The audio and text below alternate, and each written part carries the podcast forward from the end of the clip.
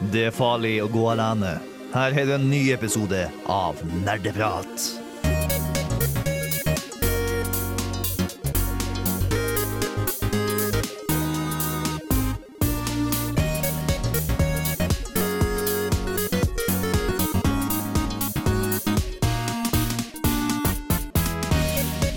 Hallo, alle sammen, og velkommen tilbake til en ny episode med Nerdeprat. Vi er tilbake i studio igjen. Endelig. Hyggelig. Koselig. Gleder meg til hver torsdag fordi det er så gøy å ha sending med dere. Eh, Jeg er da Håkon, som alltid. Hå Håkon, programleder. Og med meg i studio i dag har jeg Bård. Anna? Steinar. Hurra! Tai er dessverre ikke med oss, han har gått bort, men eh, det tenker vi ikke noe på. Eh, vi skal snakke i dag om open world-spill, så det blir litt gøy. Vi skal høre en liten anmeldelse fra Anna. Og så skal vi kanskje diskutere om litt diverse ting, da, men bare en liten forsmak. Vi har noen kontroversielle meninger her. Radio. Radio. Radio. Radio. Revolt! Jeg tenker jeg bare kaster ballen til noen. Steinar. Hva jeg har gjort siden sist? Og det er fordi du var jo ikke med på forrige sending. Ja, det stemmer. Og så vi har ikke fått hørt hva du har gjort i, under det store karanteneklimakset, ikke sant? Jeg har vært i karantene. Ja, Det er all hovedsak det jeg gjorde da dere hadde sending forrige gang. Eh, Jeg var forkjøla, så jeg fikk pinn opp i nesen og ned i halsen og hele pakka. Og fant ut at det ikke var korona, heldigvis. det er bra. Så jeg har jo brukt tida da på å spille. Så det har gått veldig mye i Overwatch igjen, for jeg har den den av den basillen igjen. Og prøver liksom å komme meg opp i ranked der. Ellers så har det vært en del Minecraft. Og nå nylig så har jeg begynt å prøve New World, for New World har jo kommet med sånn preview nå. Det er jo Amazon sitt nye MMO-RPG-spill. Amazon? Ja, Amazon Studio. Ok. Så de har det på sine servere. Er det mer suksessfullt enn når Google prøvde å slenge seg med på gamingverden med Stadia? Jeg syns det her er kjempespennende. Jeg, okay. jeg liker spillet veldig godt og spilt i to dager i strekk nå. Hva, hva er det som gjør at det skiller seg ut? Eller at du, du syns det er Jeg det? vet ikke Jeg har aldri falt i MMO-sjangeren og vært noe World of Warcraft-spiller eller lignende. Eneste MMO-en jeg har spilt og falt litt i, var EVE Online nå nylig. Som jeg også har brukt mye tid på nå i det siste. Um, men det, det blander en del sånn survival-sjangere som jeg liker veldig godt, for jeg spiller jo mest survival-spill. Eh, Så du crafter, du gatherer mat- materialer, og du kan lage ditt eget equipment underveis. I tillegg til å få equipment ved å drepe monstre osv. i den store verden. Så det er et veldig artig spill så langt. Jeg gleder meg veldig til det kommer ut. De snakker vel på at det er våren 2021 nå at de ønsker å få, få, få det spillet ut da, og ferdig. Ok. Så det er artig. Og det er det for de som har, uh, pre, har kjøpt uh, Hva heter det for noe når du kjøper før spillet kommer ut? Det heter Early access. ja, Nei, Forhånds... forhåndsbestilt. Ja, ja. For de som har forhåndsbestilt Takk. Ja. Dårlig norsk. For de som har forhåndsbestilt, så kan de da prøve det i ti dager nå. Uh, og teste previewen. Ok. Spennende. Så det har, det har jeg gjort. Anna? Har du gjort noe? Jeg har ikke fått korona ennå. Ikke vært testa, det vil jeg gjerne unngå, for det høres skikkelig behagelig ut. Eh, Jeg har vært på sopptur. Jeg har faktisk kommet meg ut i naturen. Jeg vet at det ikke er akkurat gamer news, men Sopptur? ja, åh, det er så gøy. Jeg blir så fokusert. Er Liksom, jeg kunne gått i timevis og bare liksom Er det en piggsopp? Nei. Er det en kantarell? Ja! Det anbefales. Det er veldig mye fin mark rundt eh, Trondheim by. Som man kan utforske. Spesifikt sopptur. Er dette, var dette et arrangement, eller bare bestemte du og noen venner for å gå på sopptur? Ja, altså du, du får med deg noen venner. Spesifikt sopptur også. Du høres så sjokkert ut, Håkon. Ja, jeg syns dette er, det er et underlig fenomen. Jeg har ikke hørt om det før. Tenk deg at du får achievements da for å plukkes opp. Hvis det hjelper. Åh, altså, Det er nerdeprat, men sånn nerd er jeg ikke. Du skiller opp cooking-skillen din, Ja. så lager veldig god mat etterpå også. Det var veldig godt. Mm. Jeg, jeg tenker vi går videre jeg, til uh, Bård. Det høres bra ut. Uh, siden sist har jeg um, Jeg prata så vidt om et spill jeg hadde testet ut forrige sending, uh, Graveyard Keeper. Uh, det har jeg lagt fra meg, alle verdens spillet, fordi OK, eh, det virka litt lovende. Uh, Storyvalley med litt mer historie og litt mer interessant historie, men nei. Bare grind, bare masse løping rundt. Uh, anbefales ikke. Istedenfor har jeg spilt mer Final Fantasy, så klart. Um, jeg har også spilt, fått spille litt brettspill, blant annet uh, Arkham Horror The Card Game. Arkham Her Horror? Ja. Arkham Horror. Arkham Horror The Card Game. Er dette relatert til Arkham Batman-typ? Nei, det er samme lowcrafting, eh, altså okay. lowcraft-universet Eldritch Som Horror. Eldritch Horror. Eldritch Horror er en nyere versjon av Arkham Horror, som på mange, mange mener er bedre, men det her var altså da kortspillet rundt Arkham Horror. Det skjønner jeg. Eh, I tillegg så har jeg også spilt Chronicles of Crime, som også er brettspill, hvor du uh, spiller etterforsker og skal prøve å undersøke en forbrytelse. Mm. Og jo, eh, Remnant the Something Something Something var gratis på Epic Game Store, så jeg har så vidt prøvd det, og det virker veldig oh, ja, interessant ut. Remnant et eller annet Ashes. Ja. Ja. Det virker veldig interessant. Jeg skal fordype meg inn i den senere nå som jeg vet at det er et skytespill, så jeg burde styre det med mus og tastatur. Mm. Hva, hva var tittelen, sa du? Remnant the Last Ashes eller noe sånt. Oh, ja, OK. Vi er ikke helt Um, sikre. ah, okay. ok. Ja. Vi kan, vi, kan, vi kan ta det etterpå. Ja. Um, først så skal jeg eh, nevne hva jeg har gjort. Jeg har ikke spilt så mye, men det er én ting som jeg har spilt siden sist, og den ble jeg egentlig veldig positivt overrasket over. Jeg har spilt spillet Among Us. Det er altså, tenk deg mafia i verdensrommet, hvor eh, du må gjøre masse oppgaver og sånt, og så må du bare ikke bli drept. Jo, jeg, så, jeg har sett noen Ja. videoer. av Det Det virker veldig spennende. I hvert fall hvis du har en litt større vennegruppe og prøver å finne ut hvem er det som har drept hvem. Ja, så vi var en gruppe på ti stykk Hvor eh, du har to imposters Som liksom skal prøve å få drept alle sammen Em, Og tingen er at du kan ikke snakke med hverandre Den eneste gang du kan snakke med noen Er når du, det er en sånn emergency-knapp i midten Som du kan trykke på Eller så, hvis noen blir drept og du ser dem Så kan du kalle inn til liksom sånn krisemøte Og da kan du snakke med andre folk Men aldri ellers Så det, så det er veldig, veldig spennende Og ja, gøy om jeg skal kalle det det. Og har, har noen av dere spilt Mafia? Jeg har sett det bli spilt. Eh, Jeg har spilt Mafia, jo. Ja. Så det er, det, er, det er rett og slett Tenk deg Mafia bare med enda flere lag. Fordi du, du, du driver jo og gjør masse sånne andre oppgaver i tillegg. Og mer gjennomført, Ja. på grunn av de oppgavene og sånne ting. Mm. Så det er, du kan vinne ved å enten finne dem, eller finne bedragerne, eller eh, gjøre ferdig oppgavene dine. Nerdenytt. Det er klart for noe nerdenytt. Det har skjedd en god del siden sist, og det er da spesifikt én ting vi har lyst til å starte med, som er dette store saksmålet mellom Apple og Søksmål. Søk, ja. Jeg, jeg kommer fra Norsk og snakker Norge. Du kan plukke ballen du, Bård. Eh, ja. Eh, for de som har fått det med seg, Apple eh, har blitt saksøkt av Epic. Bare Epic, ja. Ikke noe undergreier. Eh, det som leder fram til det, uh, Epic uh, ga ut muligheten for å kjøpe eh, hva da enn sin valuta heter, billigere ved å gå rundt Apple sin som uh, betalingsleverandør.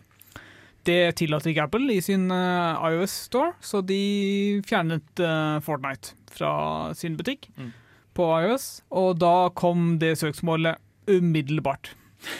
Det Ut ifra alle dokumenter så var dette planlagt fra Epic, eh, og det ser man også. Epic eh, ønsker å bryte opp monopolet Apple har på sin eh, iOS Så App det, Store. så det var en litt sånn smålig komplisert plan bare for å få en unnskyldning til å saksøke Apple? Eller det var litt sånn vi, vil, altså, vi er lei av denne situasjonen her, vi må gjøre noe for å endre det. Og den enkleste måten å gjøre det på, er ved å faktisk ta en handling. Fordi du kan ikke bare Du må vise til skader, du må liksom Du må kunne vise til at ting har skjedd. Du kan ikke bare Eller det er vanskeligere å bevise at Apple har et kvelertak på markedet Mm. ved å bare si at ja, vi kan ikke fjerne det pga. det og det og det. Det er mye enklere hvis du bare kan faktisk peke på at ja, nå har appen vårt, eh, spillet vårt blitt fjerna, vi mister så og så mye inntekter av dette her.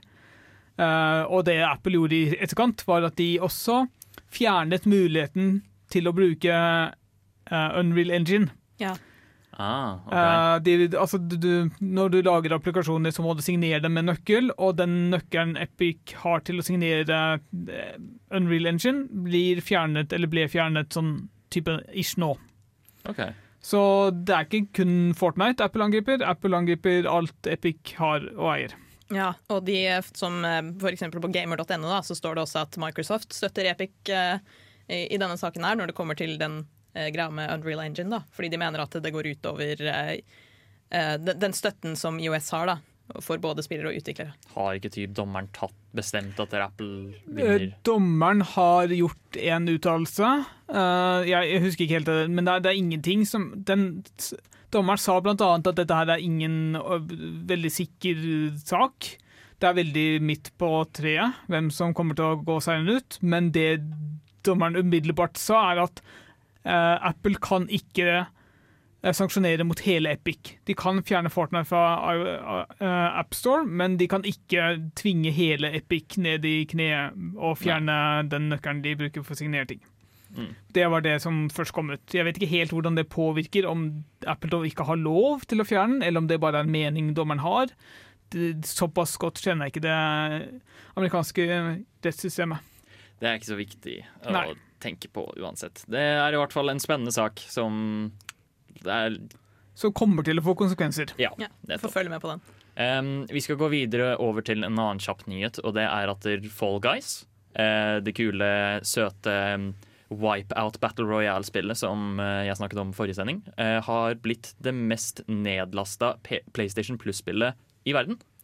Og har solgt syv millioner på Steam i tillegg. Det er tillegg. helt vilt. Det, det spillet tok helt av, og jeg forstår ikke. Syv millioner dollar på Steam? Er syv millioner kopier har blitt kopier? solgt. Oh, det blir ganske Steam. mye mer. Mm. Så det jeg tenker jeg vi, vi tar en liten klapp for den. Vi. Eh, man skjønner veldig godt at de slet litt med serverne sine da spillet ble lansert. Ja. Hackere er fortsatt et problem, men de har sagt at de skal fikse det. Og det burde jo nå som det er så mange folk Ja. som spiller det. Nerdenytt. Vi fortsetter med mer nerdenytt, og jeg, jeg og Bård syntes dette her var en veldig gøy nyhet, og det er at Left 4 Dead 2 har fått en ny oppdatering. Kommer til å få en Ja, kommer til å få en. på et tidspunkt. Ja. Eh, Detaljene er ukjent, men det, det er egentlig ikke så veldig viktig. Fordi den kuleste delen er kjent, og det er at den er utviklet av spillmiljøet for spillmiljøet. Hva er Left for Dead igjen? Hæ? Left for Dead 2 Det er gammelt! Det er gammelt! Ja. Å, det er så Å, vent! Nå Du kommer er tilbake til gammel, meg. Anna. Ja, Du burde vet, vite. Jeg vet og dette her, jeg har bare ikke spilt det, men jeg vet jo så klart hva det er. Det er jo Valve. Ja. Ja. Ja. Uh, det er et zombiespill som kom ut ca. samtidig som Half-Life 2, tror jeg. Mm. Uh, og var veldig populært da det kom ut. Jeg tror ikke det er like populært nå. Men det er sikkert noen tilhengere som er veldig glad i det fortsatt. Ja. Så hvis du Jeg, og spilt, jeg spilte faktisk Left 4 Dead senest for to måneder siden. Det er fortsatt veldig gøy. Så det er jo kjempekult å se at det fortsatt er liv i det spillet. Det er veldig gøy LAN-spill, føler jeg. Ja, jeg synes det er veldig gøy LAN-spill. Er ikke det sånn 15 år gammelt? Uh, kommet ut i 2009. OK, 2009, 10-11, da. Ja. Det var ikke så langt unna. Uh, men det blir jo veldig interessant å se hva de har lagt til. Om det er nye baner, eller om det er fikser, eller om det er hva det er. Jeg gleder meg veldig til å bare se på det. Det hadde faktisk vært ganske vilt om de hadde lagt til nye campaigns. Det er, er, det er det jeg heller mest mot, fordi Ja. det er det som er enklest å legge til for liksom, spillere. Ja. Kanskje de bare reskinner det til Fortnite. Det er i hvert fall noe å holde øye med um, til den tid kommer. Eh, videre så skal vi gå over til noen spenstige nyheter. De har, kom, de har annonsert et nytt Call of Duty-spill. Altså da Black Ops Cold War. Mm. Det så, Så- veldig spennende ut, faktisk. Dette skulle være en oppfølger til Black Ops 1. Var det sånn det var? Ja, så vidt jeg skjønte. Ehm, det er jo litt gøy å tenke på da, når vi har både Black Ops 2 og 3 også. Men uh, da har vi i hvert fall en, endelig en oppfølger til Black Ops 1. Yes! Det er vi kjempeglad for. Men det er ikke det eneste som er med dette spillet her, fordi det har, har, nei, har vært litt kontroversielt. I hvert fall spilltraileren. Ja, fordi spillet er jo veldig Det har et politisk budskap, da. Det kan man jo ikke komme utenom. Eh, og innimellom i traileren så viser de klipp fra ulike typer protester og sånn. Eh, både gamle og nye. Og en av de finner jo sted i Hongkong. Uh, I hvert fall i Tiananmen Square. Ja, ja mm. Kina, da. Og det har Kina uh, satt seg imot. Eh, de trakk tilbake traileren og la ut en ny en. Ja, Som ikke inneholdt dette klippet, som eh, enkelte personer da som har hatt noe å si på dette fra Kina, ikke likte. Det er eh, Det er jo helt absurd, sånn egentlig. Jeg leste litt sånn Litt om det på Reddit, fordi jeg klarer ikke helt å bry meg Jeg følger ikke så mye med på COD selv. Og jeg tror eneste grunnen til at jeg gjorde det, er fordi COD-spillere egentlig ikke bryr seg om den kontroversen til Activision. Nei. De bryr seg ikke så veldig mye om at eh, de måtte legge ut en ny trailer. Så det er sikkert bare for å maksimere antall spillere. Få med kinesiske spillere også. Sørge for at spillet ikke blir blokkert i Kina. Ja, for det er Activision som er utgiver av dette spillet her. Sist jeg sjekka, ja. Ja. De, de har vært det siste ti årene eller noe sånt. Mm. Da, vi kan avslutte med en siste nyhet, som er at jeg tror det var i går. Jeg fikk det ikke helt med meg, fordi det var så utrolig få nyheter rundt det. Men i går så var det en Nintendo Direct Mini, hvor de annonserte et par nye eh, third party games. Tredje hva, hva, Tredjepartsspill. ja, tredjepartsspill. Eh, blant annet det nye Kingdom Hearts rytmespillet, som ser helt grusomt ut.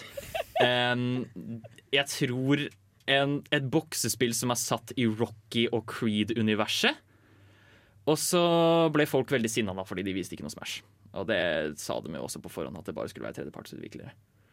Hvorfor leser ikke folk opp på forhånd hva det kommer til å handle om? Fordi de, de hører bare det er, Hvis du lukker øya, ikke sant, så er det ikke noe problem. Alt kan ikke være Smash. Men det kunne jo ikke hende at det kom Smash-figurer fra tredjepartsspill. Kanskje det var det de håpet på. Men det er ikke noe de annonserer på en Direct Mini, er jo tingen da. Men folk er i hvert fall veldig sinna for denne Directen. Og jeg forstår ikke helt hvorfor, men jeg forstår hvorfor, fordi det var veldig underveldende. Poyo Poyo Kingdom Hearts og litt sånt. Radio. Radio. Radio. Radio. Revolt! Nå skal vi eh, gå over til temadelen vår, som jeg nevnte i introduksjonen, er Open World. Hva, he- hva heter det på norsk? Åpen verden. Bra. Det Tester du meg? Ja. Ja, OK. Um, skal vi kalle det åpen verden fra nå, da, eller? ja, la oss gjøre det. OK. Uh, åpen verdensspill, hva er det for noe? Er det noen som har lyst til å prøve seg? Det er et veldig åpent spørsmål. Eh, Jeg, er det noen som har lyst til å prøve seg utenom Anna? jeg kan prøve meg. Uh, en åpen verden er en verden som du beveger deg i mellom fritt. Det er ikke noe som du må vente på at du kan låse opp. Det er ikke noe sånn hva skal jeg si, Det er ikke noe særlig lasteskjermer mellom dem. Kanskje det kan være noen lasteskjermer bare for å gjøre ting teknisk mulig, men det skal i hvert fall ikke være veldig lite. Du skal kunne bevege deg fritt inn. Hva gjør man i et åpen verden som, Som det? regel hva som helst. Eh, noen spill er litt mer friere enn andre, men f.eks. for eksempel i Breath of the Wild så kan du gjøre veldig mye. Du kan hugge ned trær, du kan eh, Jeg bare husker bare hugge ned trær, ødelegge steiner, tror jeg, sånne ting. Mens i andre spill så kan du kanskje bare bevege deg rundt til neste historie. Jeg vil si at åpen verdensspill er kanskje en av de tingene som virkelig viste når spillteknologien begynte å ta av. da, Og man fikk mye raskere prosessorer og hele pakka. Fordi eh, før i tida så hadde du veldig lineære spill, hvor eh, som Bård sa, da, du hadde begrenset områder å bevege deg på, masse masse lasteskjermer. Mens åpen verdensspill, det er så store kart hvor du kan se horisonten, og så kan du gå dit. Eh, og du kan løse oppgaver på mange forskjellige måter, ikke nødvendigvis bare én måte. Og du kan være enda mer kreativ ofte. Mm. Ja. Um, jeg tenker jeg bare skal pushe litt mer på denne definisjonen, fordi det er så Jeg føler åpen verden som begrep er veldig vagt. Og derfor skal vi ta litt andre eksempel. Sånn som, Ta for eksempel Minecraft. Er det åpen verden? Men også nei. Ok. Uh, ja, det er definitivt åpen verden, men jeg har ikke lyst til å snakke om det i denne sendingen, fordi det blir for bredt. Minecraft blir eh, generert automatisk mens du spiller, så du, det er ingen mesterhjerne bak som faktisk designer denne her. Det er en algoritme som de designer spillet, og det, det er Altså, det er veldig generelt og dynamisk. Du kan liksom ikke sammenligne det med for eksempel hvordan Skyrim er bygget, du kan ikke sammenligne det med rollespill, da, som jeg ofte tenker på som uh, åpen verdensspill. Mm. Men må det være en mesterhjerne bak? Fordi hvis en av definisjonene på åpen verdensspill er at det er veldig få grenser, og i Minecraft så er det egentlig ingen grenser bortsett fra oppover og nedover, da. Så vil jeg si at det er et av de beste eksemplene. Jeg tenker også open, men, men her tenker jeg at uh, for å spisse det litt til, da, så går vi i tanken om at open world-spill som faktisk har noe mål og mening, ikke da Minecraft som er sånn Å, nå skal vi bare kose oss og bygge hus og overleve og Vi, sånne vi ting. kan snakke om Minecraft en annen sending. Ah, right, right, right. Vi snakker mye om Minecraft allerede, så det holder med det for nå. Men et annet eksempel, da, sånn som ta for eksempel The Legend of Zelda Ocarina of Time. Som har en stor, liten sånn Hyrule Field er jo ganske svær, og fin, og du kan gå rundt overalt og sånt, men er det open world? Vil noen prøve seg? Eller? Ja, ja og nei. Eh, jeg har lyst til å si ja, fordi det er en veldig stor verden og veldig åpen verden. Det er ikke kun Hyrule Field og har masse andre områder, men det er også veldig mange av dem som er låst bak. Du må få denne spesifikke drakten, du må kunne skyte piler, du må gjøre X for å komme deg dit. Så der har vi det egentlig. Det, der fikk vi veldig fin sånn ting på det, og det er at åpen verden er på en måte svær verden som du kan gå til, og det er veldig lite som begrenser deg fra å komme til områder når som helst. Er det det vi skal gå for? Ja, la oss gjøre det. Så da, kanskje et bedre eksempel enn Minecraft da er jo Elder Scrolls-spillene, som for eksempel Skyrim. For et annet ord for open world-spill er jo på en måte sandkassespill. Du kan jo bruke de om hverandre. Mm, ja Ikke helt nødvendigvis. Eh, ikke alle åpen verdensspill er sandkassespill. For eksempel Skyrim, som er åpen verden, men Mm. den har en veldig godt Jeg vet ikke hvor godt skrevet historien er, det kommer vi tilbake til senere, Ja. men i hvert fall har en historie som er skrevet for deg, og som har en Det er et tre av historier som du kan gå gjennom. Det er ikke bare gjør hva du vil. Ta for eksempel um, Ta et annet uh, open world-spill som har i hvert fall sandkasseelementer i seg, er jo Grand Theft Auto, GTA. Fordi Ja. der er det jo veldig mye sånn hvor du bare egentlig løper rundt. Du kan, hvis du vil, eh, bruke alle disse cheatsa for å hente inn ting, og så bare drepe folk, hvis du har lyst til det. Så det, det er det beste eksempelet på open world-spill, om du faktisk bare kan ta livet av så mange NPC-er som mulig uten at det påvirker historien. Eller sandkassespill, kanskje. Nei, altså Sandkassespill, bare kort beskrevet, er jo rett og slett Det er som en sandkasse som du kan leke i, og du kan gjøre hva du vil. Ja, på en måte Du, du bare fantaserer om hva som helst. Beste eksempelet for sandkassespill er jo Garys Mod, men det er ikke open world. Eller et godt eksempel for sandkasse. Jeg vet ikke om det er Så det da blir Minecraft et mer sandkassespill, og derfor skal vi ikke snakke om det Ja. i dag. Ja, okay. det stemmer. Ja, men da kan jeg si meg enig. Du, det der var egentlig en veldig god, fin diskusjon, for nå har vi fått spissa hva vi mener med open world. Hva er det du liker best ved studentradioen? Jeg hører alltid på studentradioen. jeg. Eh, vi har nå endelig klart å definere hva open world-spill er, så derfor skal vi gå over til eh, noen par eksempler da, av noen av open world-spillene. Liksom eh, åpne verden eh. Oi, jeg klarer ikke å snakke nå. Åpen verdensspill, verdener, som vi syns er kule. Og jeg vil da gjerne starte med um, jeg, jeg likte ikke spillet så veldig godt. Uh, nevnte, Bård nevnte under låt uh, Red Dead Redemption 2. Um, og jeg vil da gjerne fremheve denne verden. Og det er fordi um, Selv om spillet, som er ganske svakt uh, Fordi det er bare sånn å, du, du rir til et oppdrag, og så rir du videre til et annet opp, Til der du skal ha oppdrag og sånt. Men Håkon, hva Ja. var det du ikke likte ved å være en cowboy som kunne gjøre hva faen du ville? Du får ikke lov til å gjøre hva du vil. Når du, så fort du starter et oppdrag, så får du ikke lov til å gjøre hva du vil. Uansett, verden når du utforsker, er kjempe, kjempegøy. Fordi den er veldig svær, og det skjer ting hele tida. Verden føles levende. Du kan bare tilfeldigvis, når du liksom rir ved siden av en togskinne, så kan du finne en fyr som surrer en dame liksom fast i tau og legger henne på togskinnet, akkurat sånn som du ser i tegnefilm. Ja, og ja, i den kjente tegnefilmen. Ja. Um, annet eksempel er også at du kan gå inn i skogen, og så kan du plutselig finne um, KKK-medlemmer som uh, lager en sånn brann, og så eh, lager de kultstemning, og så bare fucker de opp så de setter fyr på seg selv og masse sånne ting. Og det er jo rett og slett Den verden er ikke begrenset på noen som helst måte. Eh, og du kan gå hvor som helst, når som helst, og så skjer det masse ting i verden, og det liker jeg veldig godt. Men, men hva mente du med at når du har valgt et oppdrag, så kan du ikke gjøre hva som helst? At du blir låst fast i det, og du kan ikke bevege deg utafor noen grenser før du er ferdig? Ja, det er typ sånn eh, Spillet lar deg gjøre hva du vil sånn egentlig. Typ sånn, Hvis du har lyst til å rane en bank og skyte ned alle sammen, så kan du det. Men så fort du går i et oppdrag, så er spillet sånn Nei, du skal spille på denne måten her. Er det sånn type hvor det er For det er ofte veldig sånn, føler jeg, da, disconnect mellom karakteren din, særlig hvis det er sånn karakter som har et ansikt og stemme og cutscenes og sånn, og hva du gjør i åpen verden, er ofte veldig sånn Du kan myrde masse folk, og så er du the good guy når det kommer til cutscenes. Ja. Er det sånn der? Ja, litt. Ja, ok. For det er ofte litt vanskelig å få til eh, balansen mellom hva historiefortellerne som lager spillet, vil at karakterene skal gjøre, og det spilleren har lyst til å gjøre.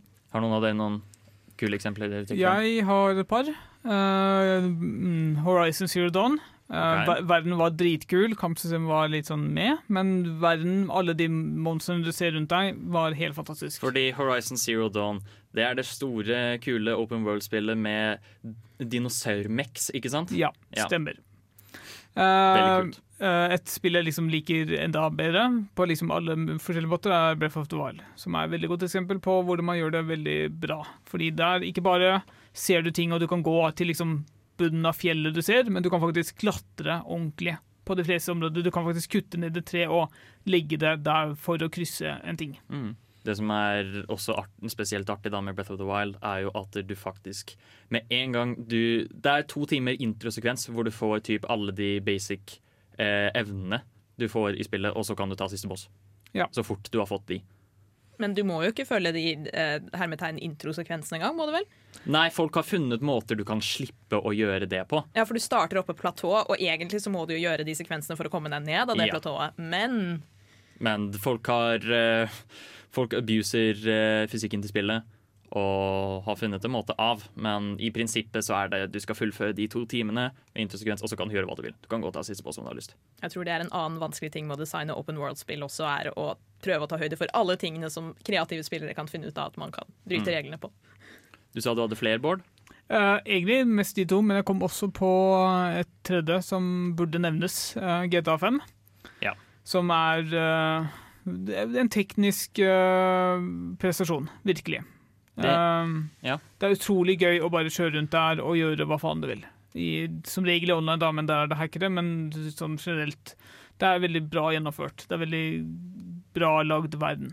Jeg, jeg husker ikke så veldig mye av det, men det, min erfaring av det husker jeg var at der, Fordi den verden er nesten litt sånn todelt. Du har bydelen, og så er det den ørkendelen.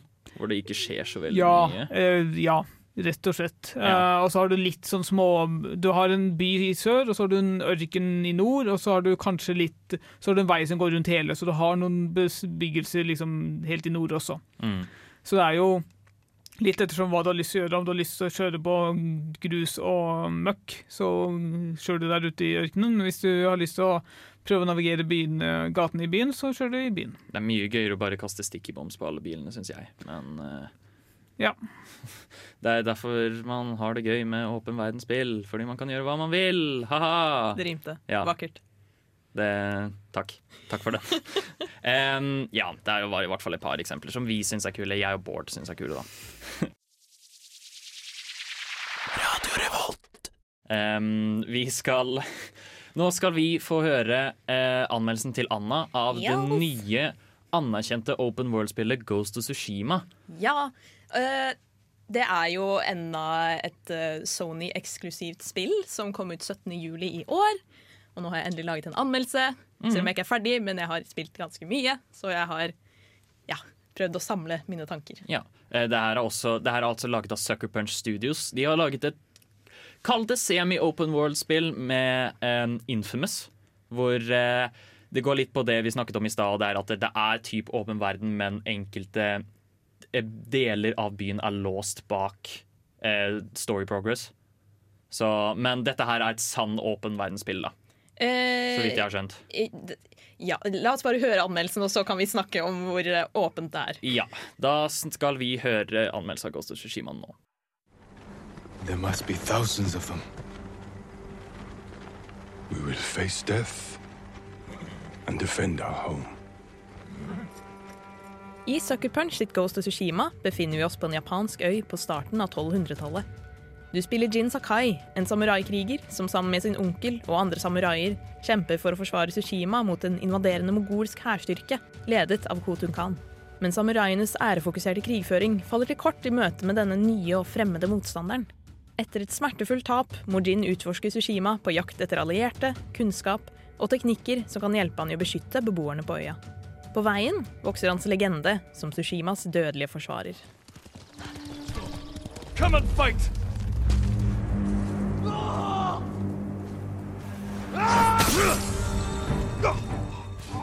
Jeg kan ikke snakke om Tsushima uten å nevne kampsystemet, som så avgjort er noe av det jeg koste meg mest med.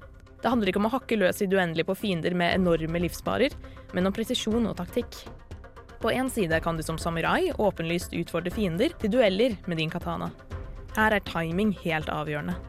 Du må lese fienders bevegelser, tilpasse deg våpenet deres, dukke unna angrep du ikke kan blokkere, passe på at du ikke blir omgitt av fiender, og vente på det rette øyeblikket for å gi det avgjørende sverdhugget. I've never seen a samurai fight like that. It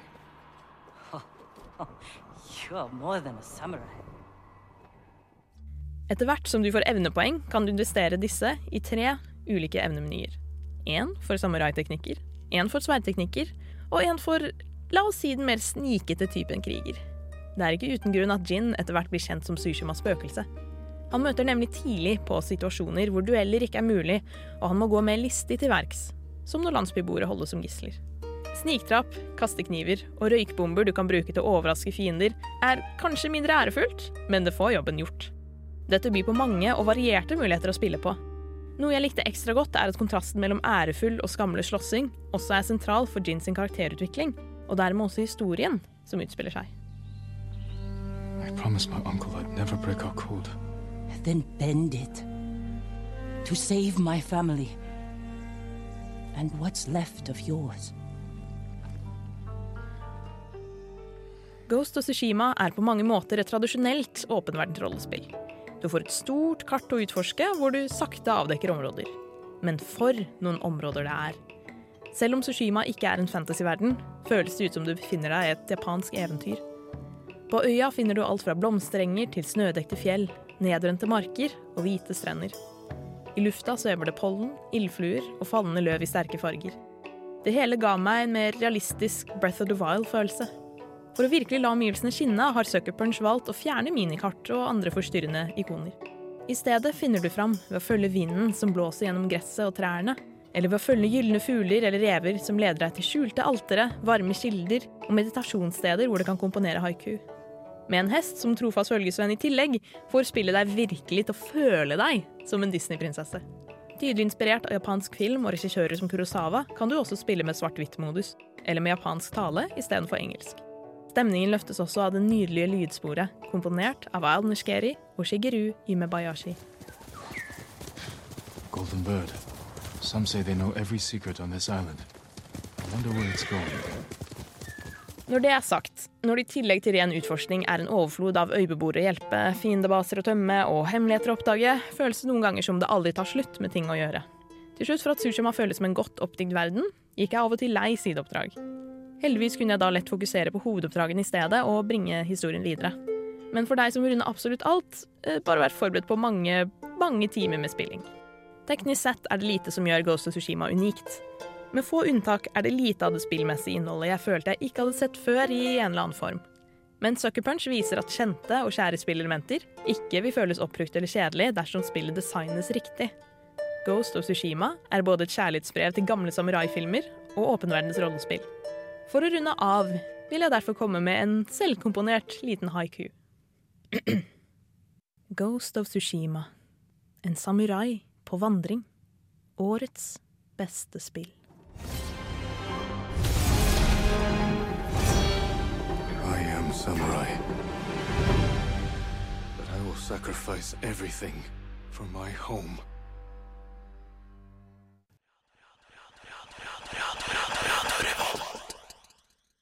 Der fikk vi altså høre anmeldelsen til Anna av Ghost of Tsushima med et lite haiku på slutten. Det likte jeg. ja. Jeg satt og vurderte om jeg skulle la den midterste strofen være I hvert fall til Cyberpunk kommer, fordi jeg føler det er litt tidlig å si at det er årets spill. Men for meg er det det hittil, i hvert fall. Ja, ja men det, du har fått et veldig godt inntrykk av det.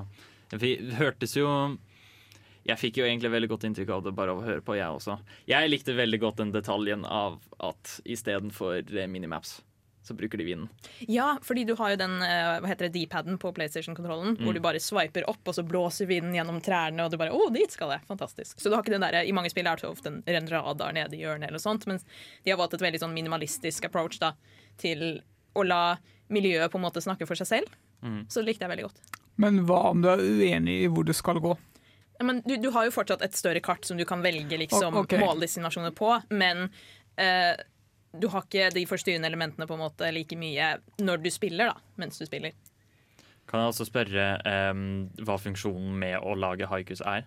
Jeg vet ikke om jeg fikk det helt med meg om du nevnte det. Uh, du får Altså, en av tingene som er basically samleobjekter i spillet her, da er jo ulike sånne hodebånd, headbands.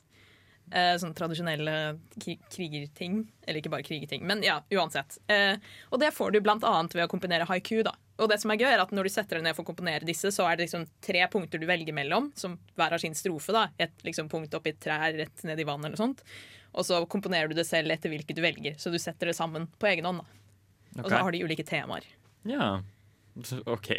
Ja, så, you know, haikus, ja, det er en kreativ måte å gjøre det på. The future is now. Ja. Du kan lage haiku. Men uh, du nevnte også at det var uh, mye med sidequests og mye ting å gjøre. og sånt, fordi jeg har fått inntrykk av at denne verden er veldig stor.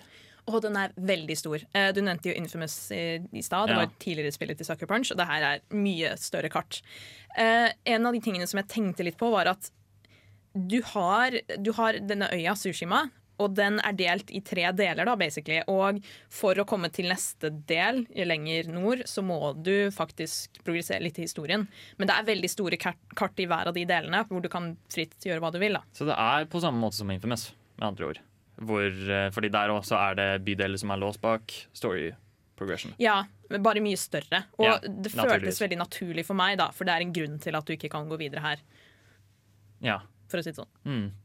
Det, det virker jo veldig Ja, jeg syns jo egentlig at Open World-spill er veldig overveldende, så jeg var litt sånn usikker på om jeg skulle få meg Ghost of Tsushima selv. Men eh, jeg har også samtidig hørt at den åpne verden er liksom Folk kaller det the main character, hovedkarakteren i spillet. Liksom den Mm. beste delen. Ja, det er, det er helt det er, det er kanskje det vakreste spillet jeg har spilt, om ikke noen gang så på veldig, veldig lenge. Det er så nydelig. Eh, og så kommer det med en fotomodus. Og jeg tror jeg har brukt sånn halvparten av tida mi jeg har spilt så langt, går til å bare oh, jeg kan ta skjermbildet her. La meg bare justere vinkelen litt og fargefiltre og eh, tid på dagen og vær og Å, det, det er ille. Jeg burde egentlig bare ha skrudd det av når jeg først spiller gjennom. Men det Eh, er fantastisk. Ja, for, uh, for å videre liksom bare påpeke hvor uh, suksessfullt eh, Ghost of Tsushima var, så tror jeg de sa at det er det bestselgende uh, førstepartspillet Sony har på PlayStation 4. Som vil si at det er det spillet som har solgt best. Hvilke konkurrerer det mot? Vet du det? Det må sikkert være God of War, for eksempel. Ja, ja, Jeg forestiller meg God of War og Uncharted. eventuelt Last of Us 2. Ja. Så, så, og det er jo ganske store konkurrenter, så det er jo veldig imponerende når eh, de, de har fått det til såpass bra. Det er, det er veldig velfortjent. Det er veldig mye sånn kjærlighet på en måte lagt inn i spillet. Da. Det er så mange detaljer som man legger merke til som ikke bare det grafiske, men også sånn spillmessig og sånn, som betyr veldig mye for den totale opplevelsen. Mm. Så det er veldig gjennomført spill. Hvor mange prosent tror du kommer til å ende opp på med gjennomført? Jeg har lyst til å runde platinum på PlayStation. Såpass. Eh, men det Kom- kommer til å ta meg godt sånn 20 timer til, sikkert. Ja, fordi Men Bare 20 timer til? Det er jo Jeg har allerede spilt kanskje i 20 timer, vil jeg si. Uh, og jeg har bare kommet, For det er delt inn i akter. da Akt 1, akt 2 og jeg vil anta akt 3. Og jeg er nettopp kommet på akt 2. Så okay. ja. Ja. Det tar tid. Men det er veldig gøy. Og du har spilt i 20 timer allerede. Jeg vet ikke, for jeg kan jo ikke se på PlayStation hvor lenge jeg har spilt. Men Kan- kan hvis jeg røftlig skal anslå Nei, det kan du ikke på PlayStation. Av men, men har det ikke playtime? Du, spill har som regel en liten playtime. Nei, nei, jeg trodde det skulle være det på sånn save-file. ikke sant? Nei, nei, det er bare tidspunktet du har lagra det på. Det, det er et eller annet rart med PlayStation ikke vil at du skal se hvor mye du har spilt. Jeg vet ikke hvorfor, om det er en bevisst taktikk eller om det bare er noe de har glemt å legge til. Det er jo egentlig det, veldig dumt, for Ja. jeg føler liksom Open World-spill er jo det spillet som absolutt burde vise hvor mye tid du har spilt. Ja, ja, jeg vet. Men Eller kanskje bare sånn Ikke bli redd. Jeg lover, du har ikke brukt alle hele forrige uke her. Bare spill mer. Det går bra. Det, det, det, du, du trenger ikke å gjøre viktige ting. Altså, det er eh, mye som skal gjøres her nå. Du har ikke brukt så mye tid. Jeg er enig i den. Det er jo for så vidt ikke en helt dum idé. Men jeg syns fortsatt at de burde gjøre det. Kan jeg legge til en bitte liten detalj til jeg elsker? Ja, ja. Eh, Du vet at Ofte så må du ha sånne trailing-oppdrag hvor du følger en NPC, og så går det sykt treigt, og du hater livet. Å gud, ja. Det de har løst her, er at det er du selv som styrer tempoet. Så du slipper å måtte bevege deg etter den andre karakteren i sneglefart, for de tilpasser seg bare om du løper, eller om du går, eller om du rir. Og det var en veldig, veldig fin og behagelig detalj. Ja, det, det er en veldig mye bedre løsning enn det Assassin's Creed har. i hvert fall. Ja, ja, Det er mye mer enn et Assassin's Creed-spill, for mange har jo sammenligna det med det. da. Ja, um, Men tusen takk, Anna, for anmeldelsen. Det koste meg veldig. Uh, ble litt mer spent på, eller interessert i å sjekke ut Sushima nå. Oh! Yeah. Yeah.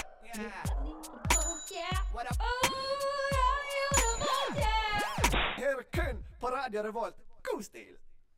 Vi skal nå snakke om eh, hvor besatte gamere er av open world-spill, og med dette så mener jeg at eh, det er så den sjangeren er så krisepopulært at det er ikke måte på engang. Ikke skyld kun på spillere, men også på spillutviklere. Selvsagt. Ja, ja. Det er jo en symbiose der, da.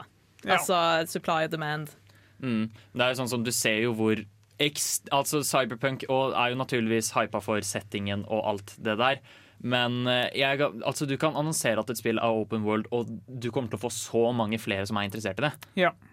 Og det er jeg, jeg personlig klarer egentlig ikke å skjønne helt hvorfor, men det er fordi jeg um, Jeg har ikke ADHD, men jeg har veldig sånn kort em, oh, Hva heter det igjen? Konsentrasjonsevne. Konsentrasjonsevne, takk.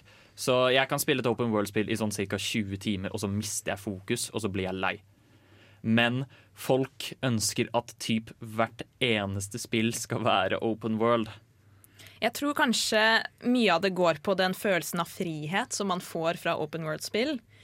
Eh, for noen kan kanskje, som jeg nevnte før, da, eh, at tidligere spill var jo mye mer lineære, og du måtte løse ting på denne og denne måten. Og det, det var sånn det var satt da.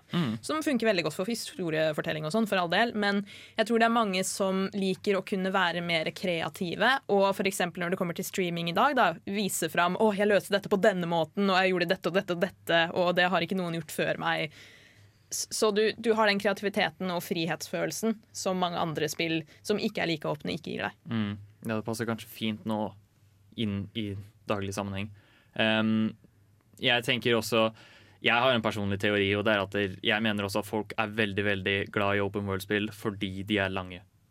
Uh, ja. uh, ikke bare er de lange, men jeg tror også et poeng, eller en fordel til spillutviklere, er at de har, det er mye lettere å skjule altså skjulte seg i mengden. Uh, jeg er veldig Noen å- åpen verdensspill er veldig, egentlig veldig dårlig. Og, men det er vanskelig å se, fordi det er så stort. Det er vanskelig å liksom finne du, du, skjønner, du merker ikke nødvendigvis at verden egentlig er helt tom. Mm. Fordi du er fokusert på miljøet, du fokuserer på fjellene, naturen, alt mulig sånt, og så ser du ikke at ingenting skjer, f.eks. Har du noen eksempler på det, Bård? Skyrim, men jeg tror vi skal snakke om det, det skal vi komme tilbake til. Ja, okay, Men okay. et annet eksempel jeg kan trekke frem, var et vi tok fram i stad, som var Red Dead Redemption 2. Fordi jeg skrøt mye av den verden, men nå skal jeg også liksom si litt skitt om den verden. Og det er at den var veldig stor. Nesten litt for stor, fordi det er veldig mye hvor det ikke skjer så mye. Og da er det sånn, hva er egentlig poenget med at den skal være så stor? Og det, det gir på en måte litt illusjonen av at det spillet er veldig mye større enn det er. Og det er jo Ja. Eh, I tillegg så, i hvert fall jeg personlig, vil mye heller ha en veldig godt skrevet historie som man kan følge litt mer slavisk, enn å bare føle at jeg går rundt altså, Av og til så er det fint å gå rundt og se på naturen, og sånne ting, men av og til så vil jeg bare ha en ordentlig historie og slippe å lete meg fram til ting. Og slippe å måtte krysse hele verden for å komme meg til neste del. Jeg, jeg synes det var bra du ser liksom en vakker verden. Det er bra at du nevnte det. fordi For meg da, så er det det med at du har det utforskningselementet i åpen verdensspill. Og jeg blir mye mer interessert hvis jeg syns at spillet ser bra ut. Hvis jeg har den kombinasjonen av et spill som ser bra ut, og en åpen verden. Fordi det å utforske rundt er ganske avslappende, egentlig. Og avkoblende. Noen ganger så er det liksom deilig å gjøre det, og ikke bare måtte pese på med oppdrag som går i en bestemt retning. Jeg har lyst til å komme med et nytt eksempel som vi ikke har snakket om tidligere. Uh, for så vidt også litt relevant for Death Stranding, men jeg har ikke spilt det nå. Men Eurotruck Simulator. OK. Det å bare sette seg i en lastebil og kjøre mot et mål. Du vet nøyaktig hvor du skal, og så kan du nyte verden på veien dit. Du slipper den liksom tomhetsfølelsen. Du bare vet at du skal til Frankfurt. Du skal levere denne containeren her med hva den er inn, og du kan nyte veien dit. Du slipper å måtte liksom le, eh, bevege deg for å gjøre ting. Du kan gjøre ting umiddelbart. Apropos simulatorer. Sånn, jeg tror at det nyeste Microsoft Flight Simulator må jo kanskje være det mest realistiske og beste eksempelet på åpenverdensspill. For der kan du jo fly rundt hele verden. Der har du jo simulert mesteparten av verden etter Bing-kart. Så det er jo literally at du kan fly rundt hele verden. Simulatorspill er jo eh, på mange måter et helt eget sendetema. Ja. Ja. La, la oss ikke gå for dypt inn i Ja, det. men eh, vil også bare Jeg føler det også er en helt annen grunn til å nyte open world igjen enn det de fleste gjør det for. Som er liksom denne svære verden du kan utforske, og bare så mye ting å se og gjøre. Også, ja. Men det er jo hele verden. Det er hele den virkelige verden. Men hvor mye er det å gjøre? Du flyr, Du flyr. og så er det masse knapper som Ja. du må passe på. Jeg tror, ja, men det er jo ikke verden som er hovedfokuset der. Eller kanskje, men ikke helt. Men den er åpen. Den er åpen. Det, er, Det er det har du rett i. Bård. Veldig åpen. Og du har et mål, du skal lande. Ja. Du hører på Radio Revolt, studentradioen i Trondheim. Da var vi klare for å snakke litt mer om Open World. Vi har diskutert all, det meste av Open World og hva det er, og litt om hvorfor folk liker det. Nå syns jeg vi skal kanskje gå litt mer inn på hva vi forventer av Open World i fremtiden. Eh, jeg føler Cyberpunk er liksom et sånn fint sted å kanskje starte på der, brått. Cyberpunk og ny teknologiutvikling i spillverden. Mm. Fordi eh, En ting jeg glemte å nevne om Ghost of Tsushima, da, som er et veldig nytt spill, eh, hvor de nyter det beste av den nye teknologien, og sånn, er at der måtte de faktisk sakke ned uh, loading-timene, altså liksom skjerm, pauseskjermtidene mellom at du laster opp uh, Ikke områder, da, men mellom uh, hva skal jeg si, oppdrag og sånn. De måtte sakke det ned, fordi ellers hadde det gått for fort til at folk kunne se de kjente og kjære uh, tipsskjermene og sånn, f.eks. Og, men jeg, de gikk allerede kjemperaskt. Jeg spiller på en, en vanlig, ikke en PlayStation Pro, men en vanlig PlayStation 4, liksom. Mm. Og det tar bare et par sekunder, liksom, til at det er et så stort spill. Og det er noe som man sikkert kommer til å se enda mer av i fremtidige sånne åpen verdensspill. Kanskje ikke noen sånne lasteskjermer i det hele tatt. Ja. Det var eh, Jeg, jeg syntes eh, også spesifikt eh, med Cyberpunk, i hvert fall. Jeg likte veldig godt hvordan de utvikler veien sin, som er at de går faktisk mer vertikalt enn horisontalt, så vidt jeg har skjønt. Ja, ja. Som, og jeg føler det igjen gir litt mer sånn Og åpenhet til hvordan du kan bygge din åpne verden. Og det er egentlig det jeg er mest spent på. Hva slags åpne verdener kommer vi til å se? Jeg håper å se mer detaljerte verdener. Jeg husker fra Skyrim, det var veldig mange mods som bare gjorde floraen bedre, gjorde ting til å se ut bedre. Så jeg, altså nå har vi, vi har kommet mye lenger siden da, men jeg, det er liksom det evige jaget er og at ting skal se bedre ut. Mm. Og mer detaljer, mer objekter, mer ting man kan gjøre. Altså at det faktisk får inntrykk av å være den ordentlige verden man er i, og ikke bare en, kulisse. Og hva syns dere om sånne realistiske værsystemer? For det er også noe man kanskje kan få enda mer av, mer detaljert også. Eh, Jeg snakket med Sander fra Filmofil eh, ute i stad, og han kom med en veldig interessant mod fra, eh, til Skyrim også, som jeg syntes var kult konsept. Og det er at du må de, Jeg tror de kalte det Frost et eller annet, jeg husker ikke helt. Det var noe med at Frost faktisk fikk en effekt Ja, i spillet. Poenget er at du må kle deg etter været. Så fremtidige åpen verdensspill kan kanskje spille enda mer på sånn survival-aspekt og sånn, da. Ja, det vil jeg si. Det er stilig. Mm. Det liker vi. Og, det, og det er jo absolutt mulig. Folk har jo tenkt det allerede. Eh, En annen ting vi også har lagt merke til som er, holder på å komme ut nå, uh, Watchdogs Legion kommer ut i slutten av oktober eller noe sånt. Der hvor du kan kontrollere hvem som helst i hele verden. Og det er, sånn, altså, Ja, det er sant. og det er utrolig kult. Og det er noe man sikkert ikke kunne gjort for bare to-tre år siden. Ja, for der rekrutterer du folk til hackergruppen din, basically. Så hvis du bare møter på denne karakteren og jeg vet ikke, blir venn med dem, eller noe sånt, så kan du bare å, nå vil jeg spille som denne karakteren. Så kan du være en gammel dame, for eksempel. Ja, den Traileren viser i hvert fall det at du styrer en gammel dame. Åh, som er eh, Fantastisk. Og bare det å kunne påvirke miljøet ditt i den grad du kan i Watchdogs, er også utrolig kult. Ja, for det var en ting jeg syntes var veldig sånn hit or miss med det første Watchdogs. At der, jeg følte ikke de, de, de spilte opp hele denne hackefantasien, men jeg følte den aldri. Ja, men når de faktisk klarer å gjennomføre den, så blir det en milepæl. Ja. Eh, hva med problemer, da? Er det noen problemer med Open World nå dere ønsker å se fikset? Eh, litt tilbake til det der med sånn eh, loading screens, sånn lasteskjermer, eller når du eksempel må smyge deg gjennom en ravine fordi spillet trenger litt tid åpenbart til å laste de landskapene du ikke ser ennå. Det er noe som kanskje løses eksempel når PlayStation De hadde pressekonferanse om PlayStation 5 da, om utviklerdetaljene der. At det er noe som kommer til å kuttes ned på, som man kan se mindre av i framtiden. Og vær så snill, slutt å lage dårlige verdener. Lag levende verdener, lag verdener jeg faktisk har lyst til å være. Ikke lag en tom verden som, hvor ingenting skjer. Ja, det, jeg, jeg er helt enig i den. Det er jo den største grunnen til at jeg ikke spiller så mye open world-spill. Radio. Radio. Radio. Radio. Revolt! Vi snakket om dette her uh, før vi gikk inn i studio i dag, og det er at Bård har egentlig ikke Han har litt kontroversielle meninger, og det er at han syns ikke Skyrim er så veldig bra. Jeg, jeg tror ikke det er så veldig kontroversielt lenger. For jeg er helt ærlig. Jeg tror eh, mange kan være enig med meg. Jeg, jeg føler uh, det, er, det er tydeligvis feil, da, siden Steinar har jo ikke spilt Skyrim. Men eh, jeg føler liksom Det er den sikre spillet som alle gamere har spilt. Det er, og det er med en klype salt, men du skjønner hva jeg mener. Altså, Var det en diss mot meg? Ja. Faktisk, jeg er mer sjokkert over at du ikke har spilt det, Steinar, enn at Bård ikke liker det. Ja, sånn er det. Kan ikke spille alle spill.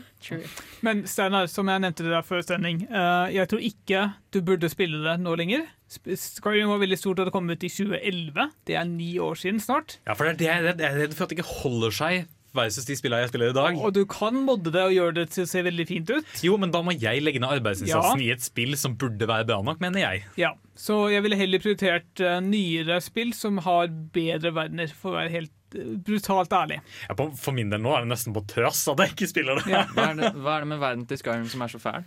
Jeg, for å sitere, jeg husker ikke engang hvem som kom først opp med det, men den er, det er bredt som en vann, men dyp som et sølvbytt. Okay. Eh, når du for eksempel eh, Witcher 3 hadde ikke kommet ut på det tidspunktet, så du, du, du, du kan, kunne ikke sammenligne det med det, det med da. Men jeg, begynte, jeg merka forskjellen da jeg begynte å spille Witcher. Witcher hvor du har en historie hvor du faktisk kan påvirke. En person kan aldri komme tilbake igjen i historien hvis du gjør liksom feil valg i hermetegn. Mm.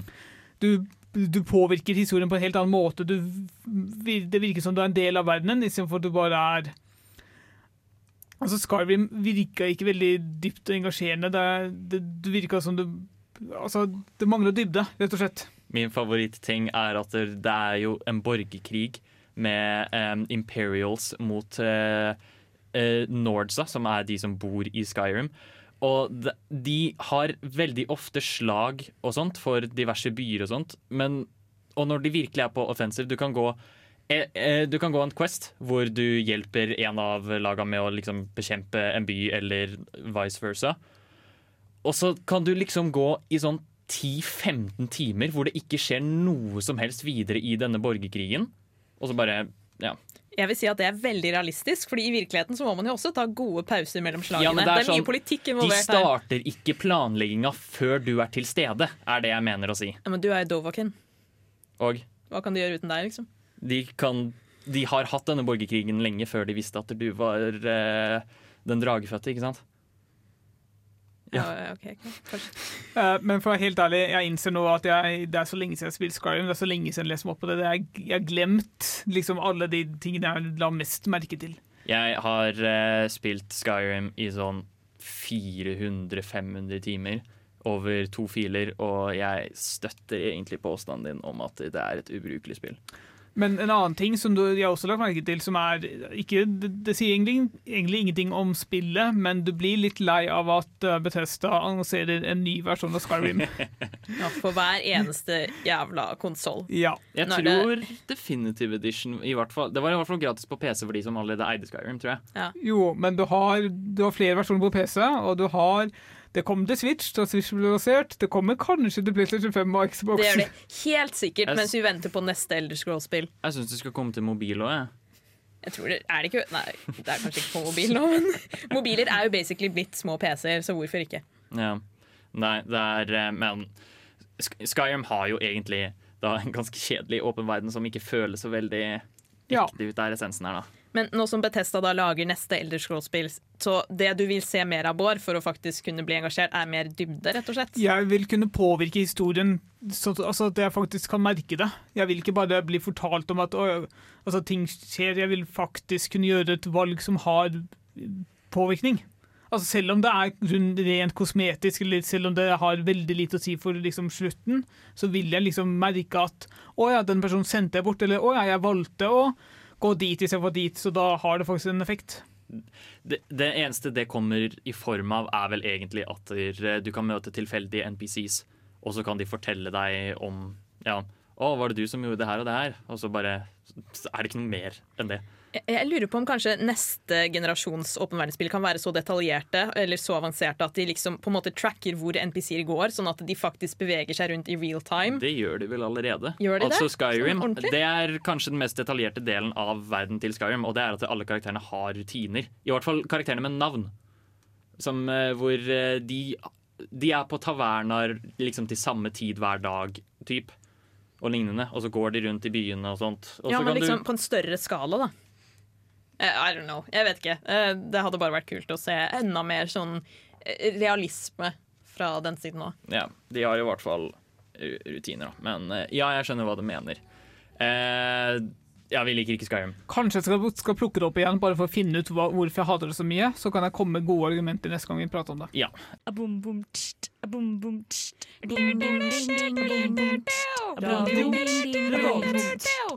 Du hører fortsatt på Nerdeprat, spillmagasinet på Radio Revolt. Vi har snakket om Open World-spill i dag. Eh, nå skal vi gå videre. Vi skal eh, anbefale noen Open World-spill vi har spilt selv, og som vi liker, og som vi syns at folk skal spille. Eh, og da bare kaster jeg ballen med en gang.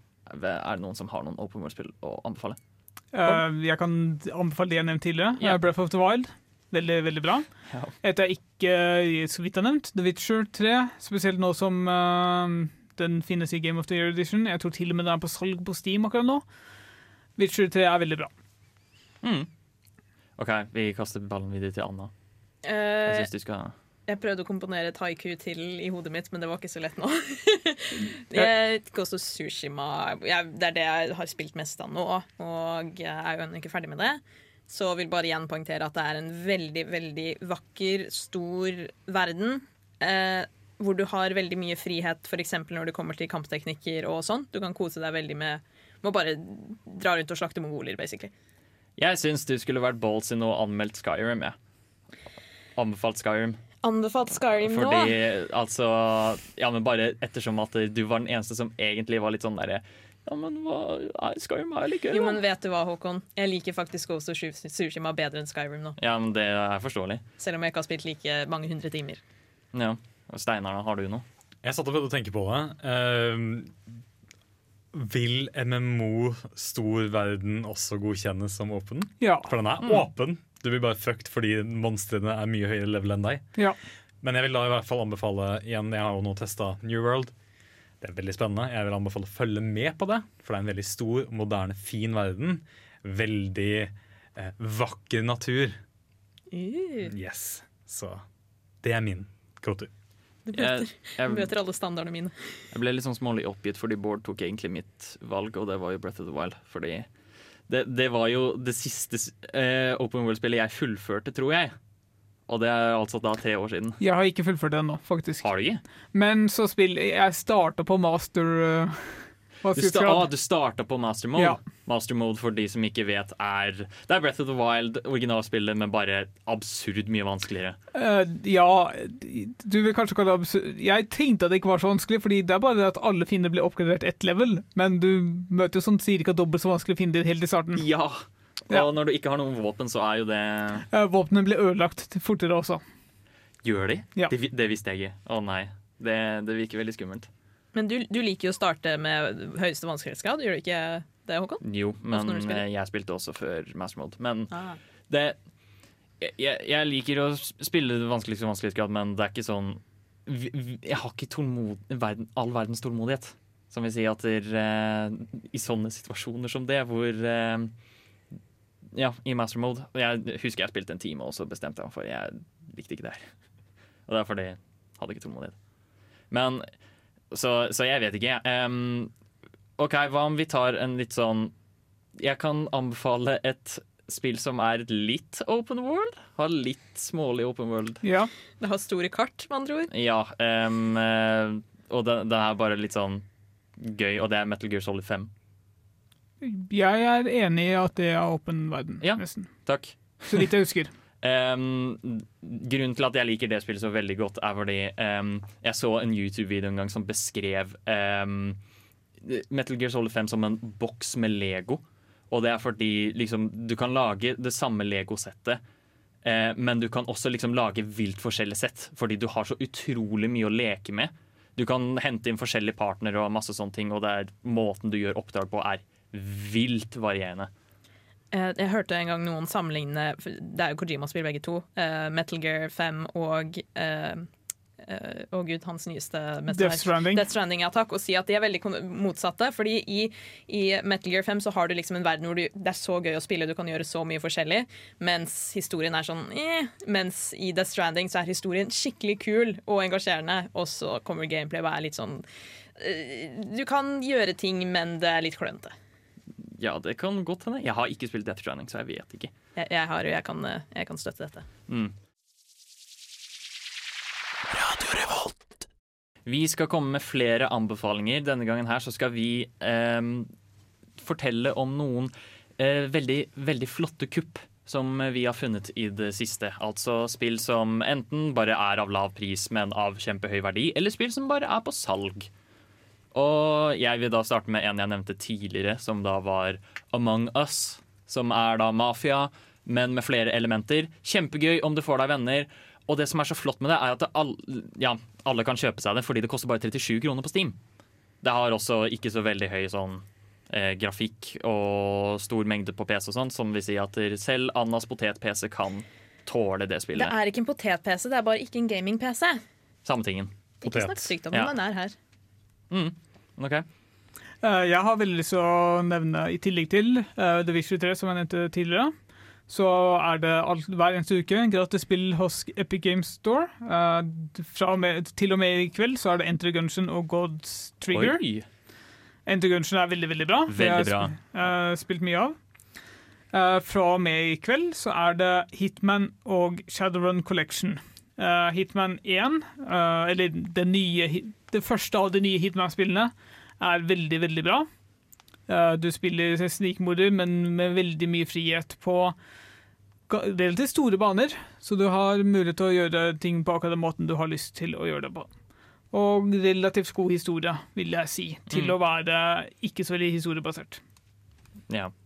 Eh, når vi også er inne på Open World, så er det kanskje også bare verdt å nevne at The Witcher 3 er på salg på 70% Jeg nevnte det. Gjorde du noe Ja, nettopp? jeg nevnte det.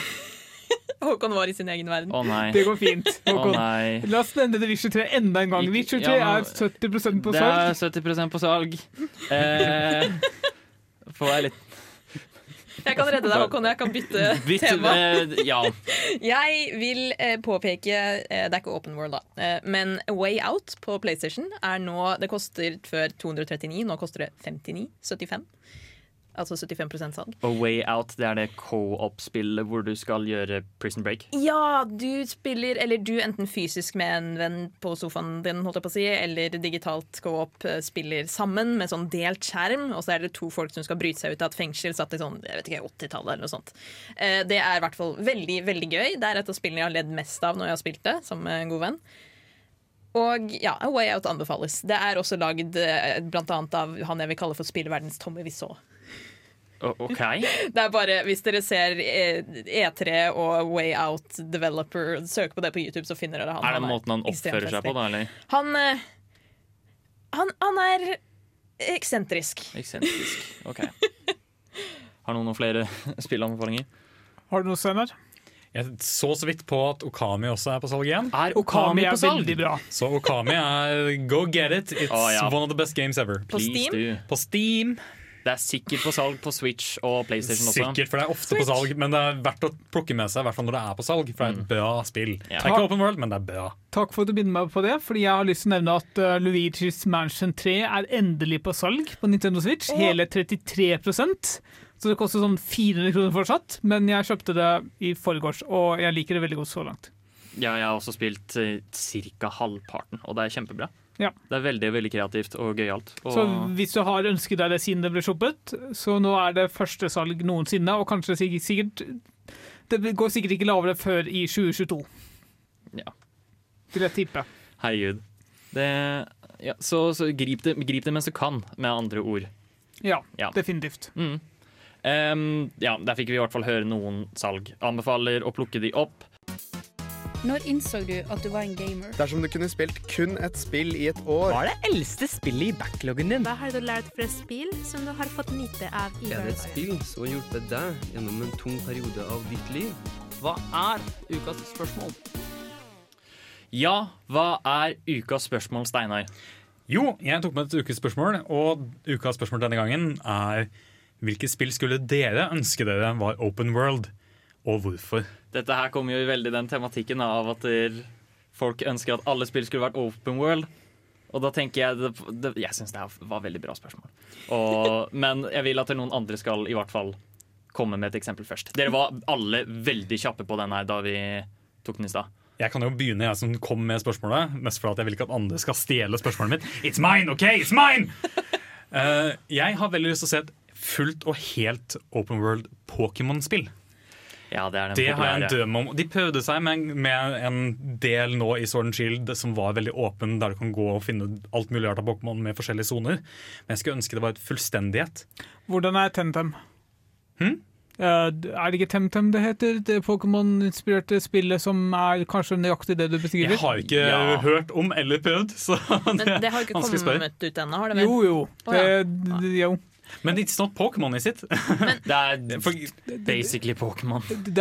Altså, den eneste måten det ikke er Pokémon på, er for å unngå søksmål. Ah, All. Alt annet er Pokémon. Men jeg ønsker meg fortsatt et Pokémon, Nintendo-Pokémon-spill i open world. Men hva var det som gjorde at Sword and Shield ikke var ordentlig open world? For det var bare en, det, en segment av spillet som var open. Ah, okay. Alt annet Ja. var li, veldig lineært uansett. Det er svær region hvor eh, du har eh, De har kommet nye dealsider, da, hvor de adda et nytt sånt område, men de har et område som kalles The Wild Area, hvor Pokémon går rundt, og du kan bare interacte sånn helt tilfeldig. Og du, det er en svær, åpen verden der. Men så fort du kommer deg ut av Wild Area igjen, så er det et standard Pokémon-spill. Ja. Så Jeg, skulle, så jeg syns det var gøy. Jeg skulle ønske det var mer av det i Sword Shield. Og derfor ønsker jeg meg fullstendighet fullstendighet i CNV. da går vi videre. Anna? Yes. Har dere hørt om et lite spill som heter Journey av That Game Company? Oi, ja. Ja. Er Veldig entusiastisk svar. Ja. Tusen takk. Ja, men, uh, Gud bedre! Jeg, jeg bare Herregud, det er, jo, det er jo et fantastisk Altså, jeg er helt enig at Journey er fantastisk. Jeg er bare veldig usikker på hvor du hadde tenkt å redde deg ut av denne situasjonen. Ja. Vær, vær så snill, fortsett før vi kommenterer noe mer. Fordi i hvert fall Det eneste jeg hadde å si på det av kritikk, da, eh, er at jeg skulle ønske at det var større og varte lenger da jeg spilte det. For det tar jo bare sånn tre-fire timer å runde, kanskje. Og jeg skulle bare ønske å utforske, utforske denne verden her enda mer. Kan jeg si hvorfor, det ikke, hvorfor jeg tror det ikke ville fungert? Ok? Hele poenget med Journey er at du får Eller mye av poenget med Journey er at du får hjelp fra en tilfeldig forbipasserende til å nå målet ditt. Og altså, det så klart er en reise til et mål. Uh, jeg tror mye av den reiseaspektet vil forsvinne litt når det er en åpen verden. Så counter en åpen verdens uh, multiplayer online-type spill, da. Men med mange spillere, eller med, med kun én partner? Jeg vet ikke. Bare, Hvordan, jeg, har hvordan ikke vet tenkt, du om du og partneren din skal i samme sted? jeg har ikke tenkt på dette i detalj. Jeg visste ikke at jeg skulle quizes på det. OK, jeg skal stoppe. Du, kan, du kan eh, plukke ballen videre. Ja, jeg kan plukke ballen videre med mitt eget. Um, nå innser jeg jo at det er kanskje allerede er litt uh, utført allerede, men uansett, jeg gir blanke faen. De nye Hitterbanen-spillene er så gode. Og ja, uh, banene er store, men jeg tror de kunne vært enda større. Jeg tror det hadde vært enda mye kulere om du hadde hatt en by, eksempel, med liksom noen hus, noen leiligheter, noen hoteller, hvor du bare kan bevege deg fritt. Du kan plukke opp våpen og sånne hjelpemidler hvor som helst, og kanskje til og med ha andre spillere som prøver å drepe de samme folkene, og sånne ting. Blir ikke det basically da GTA? Nei, fordi GTA har ikke fokus på snikmyrding. Ja, I. Hitman så dreper du folk for å få, kos- for å få uh, liksom, ikke kostyme, da, men uh, uniformen deres for å kunne slippe inn et sted. Du må ha nøkkelkort, du må ha nøkler, du må prate med folk for å få informasjon. Og ja, den personen du prøver å drepe, er på taket hver morgen klokken tolv. Da kanskje du kan drepe han der. Og det har ikke GTA i nærheten av. Ehm, ja, nå var det min tur, og jeg var litt sånn Ja. Du vet fortsatt ikke hva du skal velge? Eh, vi kan, ok, vi kan ta et spill jeg spilte i fjor. ehm, og det er rett og slett bare fordi jeg, jeg er fortsatt et lite barn og elsker fantasien av å utforske galaksen. Star Wars Jedi Fallen Order. Det har veldig sånn Metroidvania-aktig struktur til seg, og det er jo egentlig noe jeg liker veldig godt. Syns level-design var bra, men jeg, had, jeg tror jeg hadde hatt det gøy med det som open world også bare fordi det er Star Wars, og det er kult å utforske. Og det er, mange av planetene har veldig kule settinger. Så å kunne utforske enda flere av dem hadde vært kjempekult, syns jeg. Tenker jeg. Jeg synes det høres ut som et godt svar. jeg. Ja. Takk. Fordi den her var jeg stressa over. Jeg hadde egentlig ikke så mye å si akkurat der. Da var vi ved veis ende. Vi har snakket om åpen verdensspill, og nå har vi utforsket alt. Så vi har utforsket verden nok. Vi er tilfredsstilte, sier vi. Det er, jeg prøver å få inn open world her, da. Ja. Og så føler jeg at ikke akkurat Anna er så veldig støttende med denne. Og nå skal vi ut i den åpne verden. Nå skal vi ut i den åpne verden, og hvor det er, det er opp til deg og oss. Og Ja. alt sånt. Jeg vil også bare beklage til Bård nok en gang for at det virket som at jeg ikke hørte på han i stad. Det går fint. Ja, takk. Ja. Um, utenom det så er vel Har dere noen tips om vi skal avslutte med det hele? Uh, Witcher 3 er på salg. 70, 70 rabatt. Okay. Hvis dere ikke fikk det med dere allerede. Ja. Gud bedre. Skulle tro vi var sponsa, men det er vi virkelig ikke. Bare så Nei, folk la oss har det klart. det. Ikke sponsa Ja. whatsoever. Witcher får et åpent mobilspill à la Pokémon Go. Jeg ville bare skyte inn det på slutten, Ja, selv om det er dere ikke er gira. Jeg klarer ikke sånne spill, men det er interessant at de gjør det. Gjør det? Å OK. Ja. Og jeg, jeg, Det jeg, gjør jo trodde du ikke kødda, det. Nei, jeg kødder ikke. Det, det er, Jeg tror bare fortsatt å finne på ting. nei. OK, OK, OK. Ja. Uansett. Um, vi er ferdig. Jeg har da vært Håkon. Så har vi hatt Bård. Anna? Steinar? Og nå får dere Husmo Hav med Neverending Summer. Ha det bra. Ha det bra. Ha det. Du har lyttet til en podkast på Radio Revolt, studentradioen i Trondheim. Sjekk ut flere programmer på radiorevolt.no.